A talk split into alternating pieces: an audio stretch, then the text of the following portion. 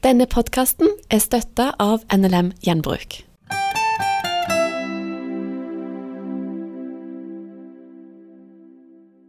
Ja, jeg pleier å si det at jeg er bikulturell. Dvs. Si at jeg føler på mange måter at jeg er norsk, og er glad for å være det. Og gleder meg over alle de fordelene og alt det fine det er.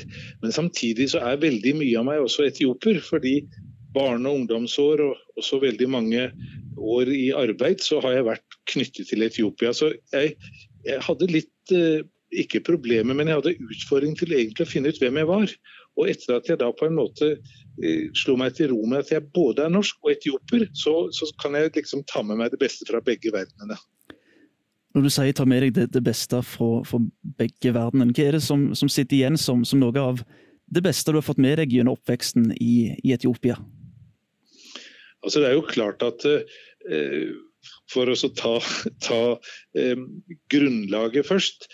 Det å få vokse opp i et misjonsmiljø og få lov til å oppleve eh, en, en, kirke i vekst, så, sånn som Mekaniesuskirken, den lutherske kirken i Etiopia, eh, er, så er det klart at eh, hele det miljøet og den rammen i livet har jo vært grunnleggende viktig. Og så er det klart at eh, Afrika og ikke minst Etiopia er så veldig mye mer enn de problemområdene vi ofte fokuserer på. Det er fantastisk fine mennesker. Det er utrolig natur, eh, dyreliv, musikk, farger, mat. Eh, og på mange måter så er det en eksotisk opplevelse som da kommer i tillegg til den norske kulturen. Og vi var jo så heldige at vi fikk gå på norsk skole. Sånn at vi på en måte også hadde ett bein i eh, den norske kulturen, men samtidig fikk oppleve eh, Etiopia. Så det, det der, den vekselvirkningen der syns jeg var veldig fin. Oppveksten i, i Etiopia og, og til dels her i Norge, var, var det med på å lede deg inn på yrkesvalg og utdanningsvalg? Det var helt klart at det å få vokse opp i en misjonssammenheng, og ikke minst få vokse opp eh, i en kirke som Mekanesuskirken, det var med på å la kursen. Så jeg eh, hadde en sånn drøm ganske tidlig om å bli teolog, og om mulig bli lærer på Tabor-seminaret i Awasa. Og Det var liksom utgangspunktet som gjorde at jeg begynte å lese latin allerede i 10. klasse. og eh, Tok latin med gresklinjen etter hvert på KG i Oslo, og begynte på Menighetsfakultetet. Men det som kanskje var med på å bestyrke eh, den, eh, den, den, retningen, det var at jeg i 1974 fikk anledning til å være med eh, i Kirkens Nødhjelps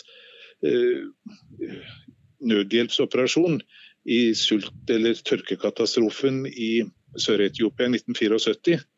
Og etter det halve året i Borana, da var jeg ikke så veldig i tvil om at jeg ønsket å reise tilbake til Etiopia. Det ble veldig avgjørende og ga et veldig godt puff inn i teologistudiet. Men eh, etter 74 og framover eh, mot 78 så var det jo en veldig radikalisering av det etiopiske miljøet, og det endte opp med en marxistisk regjering. Og Da kunne en jo begynne å tvile på om akkurat teologiutdannelsen var det riktige. Men eh, etter endte studier på MF så eh, var vi faktisk blant de første teolog... Eller jeg var vel den første teologen som forsøkte å søke på visum, og fikk det. Så da var det egentlig en bekreftelse på at eh, vi skulle til Etiopia.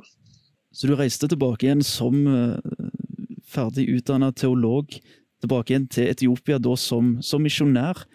Hvordan var den opplevelsen å komme tilbake igjen eh, til Etiopia?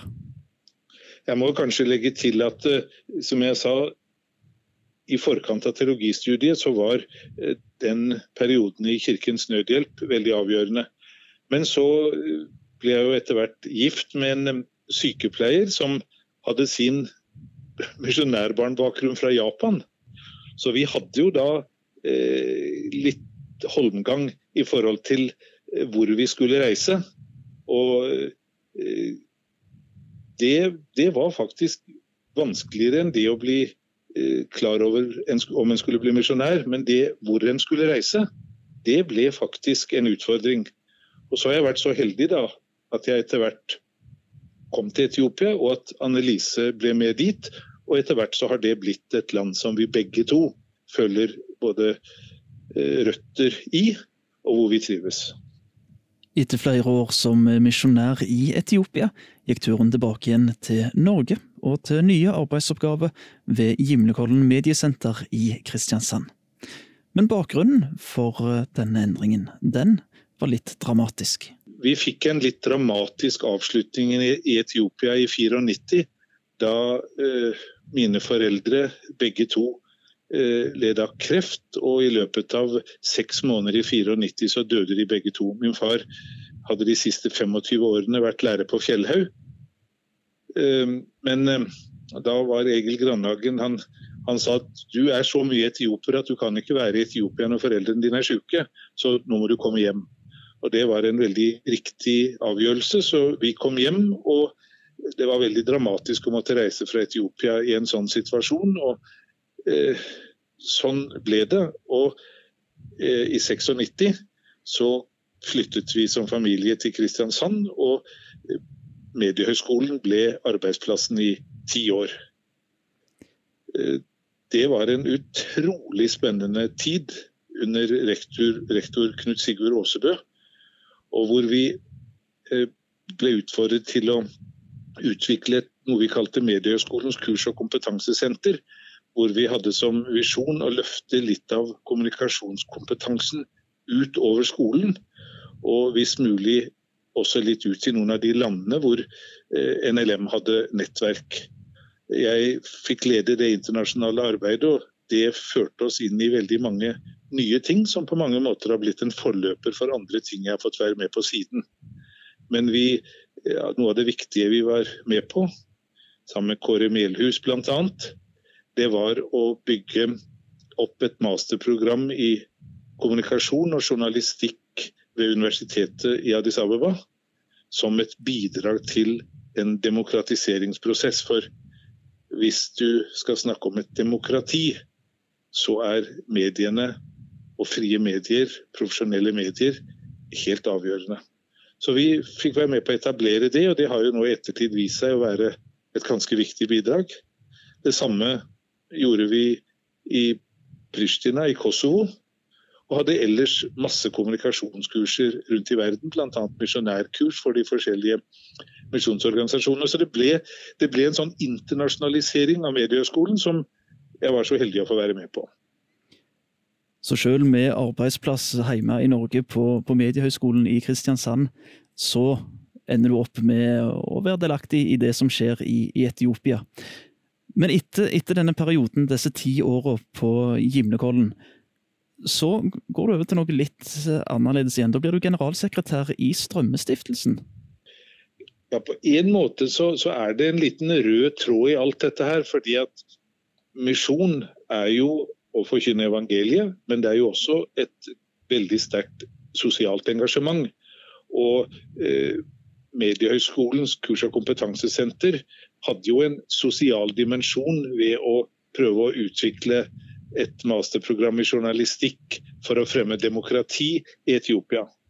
Og eh, jeg skrev spesialavhandlingen min til embetseksamen under, under tittelen 'Sondringen mellom evangelisering og sosialt arbeid innenfor Lusannpaktens teologi'. Og det opplevde jeg jo at i årene som misjonær i Etiopia, så var det ingen motsetning mellom det å drive et sosialt arbeid og det å drive med evangelisering. Altså, den, den samholdet mellom dette er så veldig klarere uttrykt i Afrika. Man har ikke den klare skjelningen mellom jeg holdt på å si, sjel og legeme, men det glir mer inn i hverandre. Og kristen tro må også få et klart utslag i samfunnsengasjement. Og Derfor, så, når jeg fikk tilbud om å bli generalsekretær i Strømmestiftelsen, så var det en forlengelse av bistand med utgangspunkt i et kristent menneskesyn. Og jeg opplevde overhodet ikke noen konflikt, selv om det ble en organisasjonsovergang fra eh, Misjonssambandet og inn i Strømmestiftelsen. Nå er Øyvind Odland ambulerende sjømannsprest for Sjømannskirken, med fokus på Øst-Afrika. Den endringen kom etter en utfordring som han fikk etter ti år i Strømmestiftelsen. Og jeg tror ti år kan være nok som leder i en sånn organisasjon. Det var sikkert fornuftig både for meg og for organisasjonen at, at eh, vi gjorde et bytte.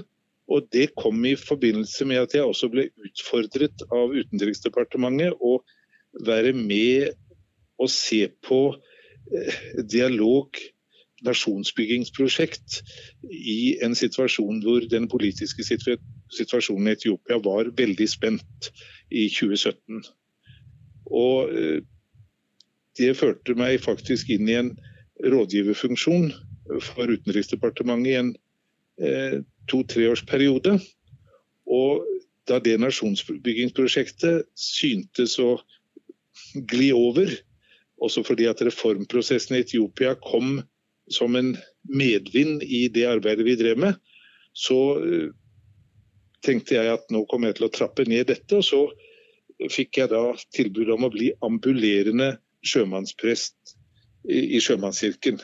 Eh, sjømannskirken har primært eh, tjent nordmenn på den norske handelsflåten. Det var slik det begynte. Nå er det veldig få norske sjøfolk på norske skip. Men det er veldig mange nordmenn som bor i utlandet i andre funksjoner. I bistand, misjon, utenrikstjeneste, næringsliv, studenter osv. Og så ønsker Sjømannskirken å være kirke for nordmenn der de måtte være.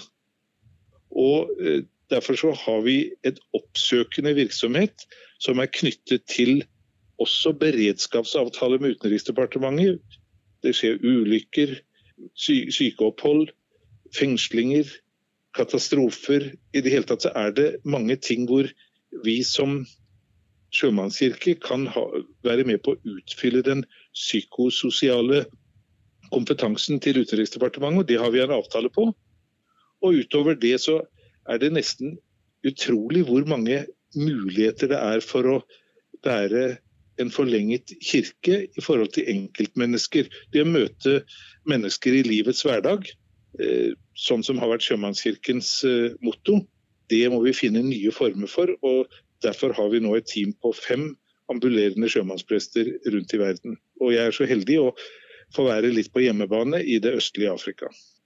Du nevnte det litt tidligere at du i en eh, periode på to-tre år var engasjert av eh, Norsk utenriksdepartement for å skape dialog i Etiopia og ha fokus på nasjonsbygging. Hvordan opplevde du eh, den oppgaven? Ja, det viktige her er at jeg tror i forbindelse med eh, politisk arbeid i et annet land, så skal vi være veldig beskjedne og se på vår rolle mer som en katalysator til ideer, tanker og visjoner som de lokale måtte ha. Og over tid, ikke minst gjennom den tiden da vi bygget opp masterprogrammet i kommunikasjon og journalistikk ved Universitetet i Addis, så fikk jeg veldig mange eh, nettverkskontakter. Og har også gjennom Institutt for menneskerettigheter ved Universitetet i Oslo jobbet med analyse av den politiske situasjonen de siste 15-20 årene. Og var observatør i rettsoppgjøret etter marxistregimet Alt dette ga en veldig bakgrunnskunnskap. Og med den bakgrunnskunnskapen så fikk jeg anledning til i det etiopiske nettverket som jeg hadde, å om mulig finne noe som kunne bidra med å, å stabilisere den uroen som vokste og vokste, eh, ikke minst 2016-2017. Og vi ble da enige om at vi skulle forsøke eh, et nasjonsbyggingsprosjekt som ikke tok utgangspunkt i politikk, men som tok utgangspunkt i konseptet nasjonsbygging, og prøve å få til en ikke-kontroversiell faglig debatt om det, men hvor de forskjellige segmentene i etiopisk eh, samfunnsliv ble invitert inn. Eh, fra alle sjatteringer, fra trosbevegelse eller trossamfunn, parlament, statsministerens kontor, det militære, sivile organisasjoner osv. For å snakke om hva, nasjons, hva er nasjonsbygging. Og Så tok vi det litt videre til hvordan kontekstualisere det i Etiopia. og Da var vi med en gang litt mer inne i det politiske rommet. Og så kommer denne reformvinden med eh, statsminister Abiy Ahmed, som gjør at denne dialogen plutselig blir veldig åpen. Og vi håper at vi har fått vært med på å kastet inn noen argumenter i den pågående reformprosessen i Etiopia. Så det var litt begivenhetene som skapte en mulighet for å spille en rolle. Og min rolle var bare å sitte i baksetet og være et lite kontakt eh, med eh, Norge som, som, støttet dette prosjektet. Det var en liten brobygger mellom Norge og Etiopia. Men det var jo etiopere selv som eide og drev prosjektet. Og nå begynner det å bli en stund siden det ble, ble klart at uh, årets fredspris, årets Nobels fredspris, den går til Etiopias statsminister Abiy Ahmed Ali for uh, hans innsats for fred og mellomstatlig arbeid. Hvilke tanker har du om at det er nettopp Etiopias statsminister Abiy Ahmed som, som, mottar årets fredspris? For det første så vil jeg dele den gleden og den stoltheten som det etiopiske folk får gjennom å ha en statsminister som blir knyttet til visjonen om fred, både i Etiopia, men også i regionen. For veldig ofte så har Etiopia vært kjent som et land med konflikt, et land med krig, nød, hungersnød, hiv. Ja, det er ofte negative konnotasjoner. Nå er plutselig Etiopia løftet opp eh, som har en statsminister som har en visjon for fred. og Det er i seg selv noe som skaper stolthet. og Det er jeg eh, sammen med mine etiopiske venner både takknemlig og stolt over.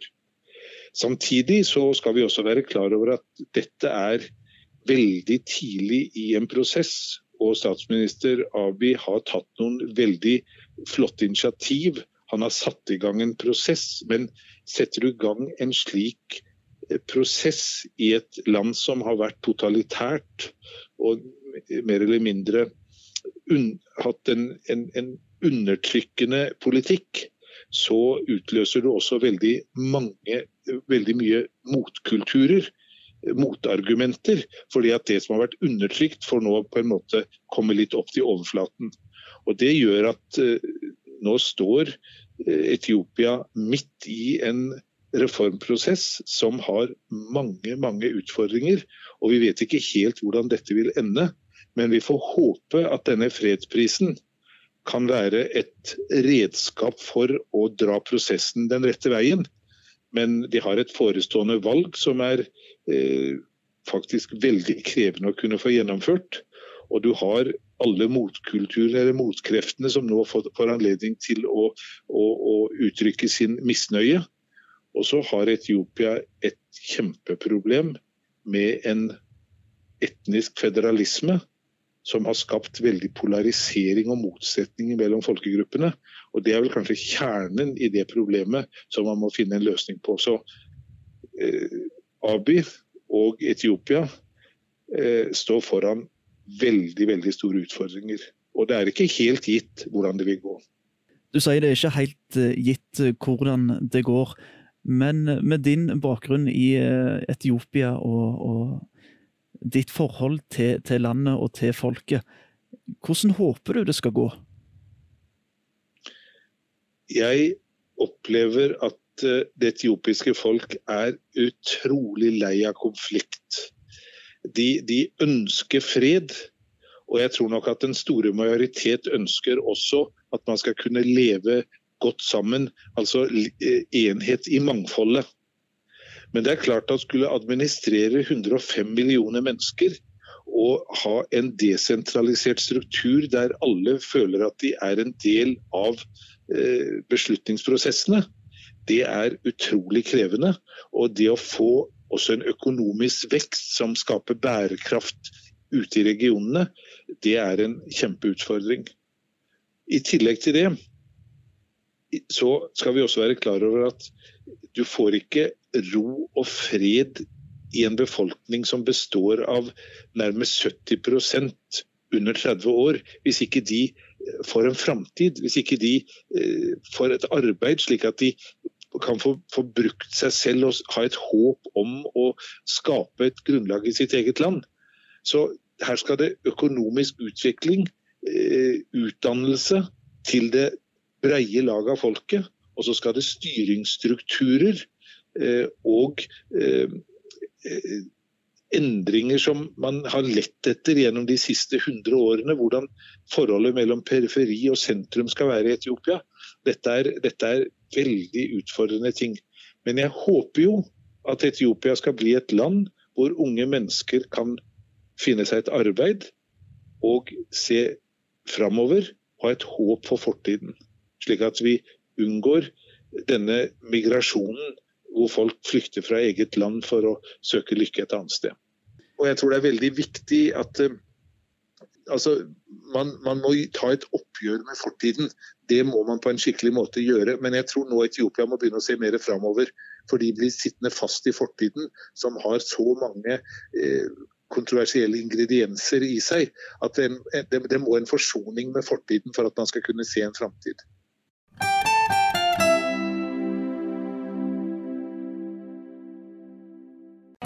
Er boden eller klesskapet ditt blitt fullt med ting som ikke er i bruk? Gjennom NLM Gjenbruk kan din kjole eller dress bli til rent vann for mennesker i Afrika, eller til nye skolebøker for unge i Sør-Amerika. Våre gjenbruksbutikker tar imot det meste, men husk at det du leverer er rent, helt og pent. Vi er behjelpelige med henting, og kan også ta imot dødsbo. Finn din nærmeste butikk på nlmgjenbruk.no. Velkommen til oss!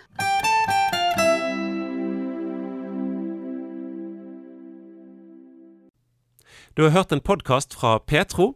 Du finner masse mer i vårt podkastarkiv på petro.no.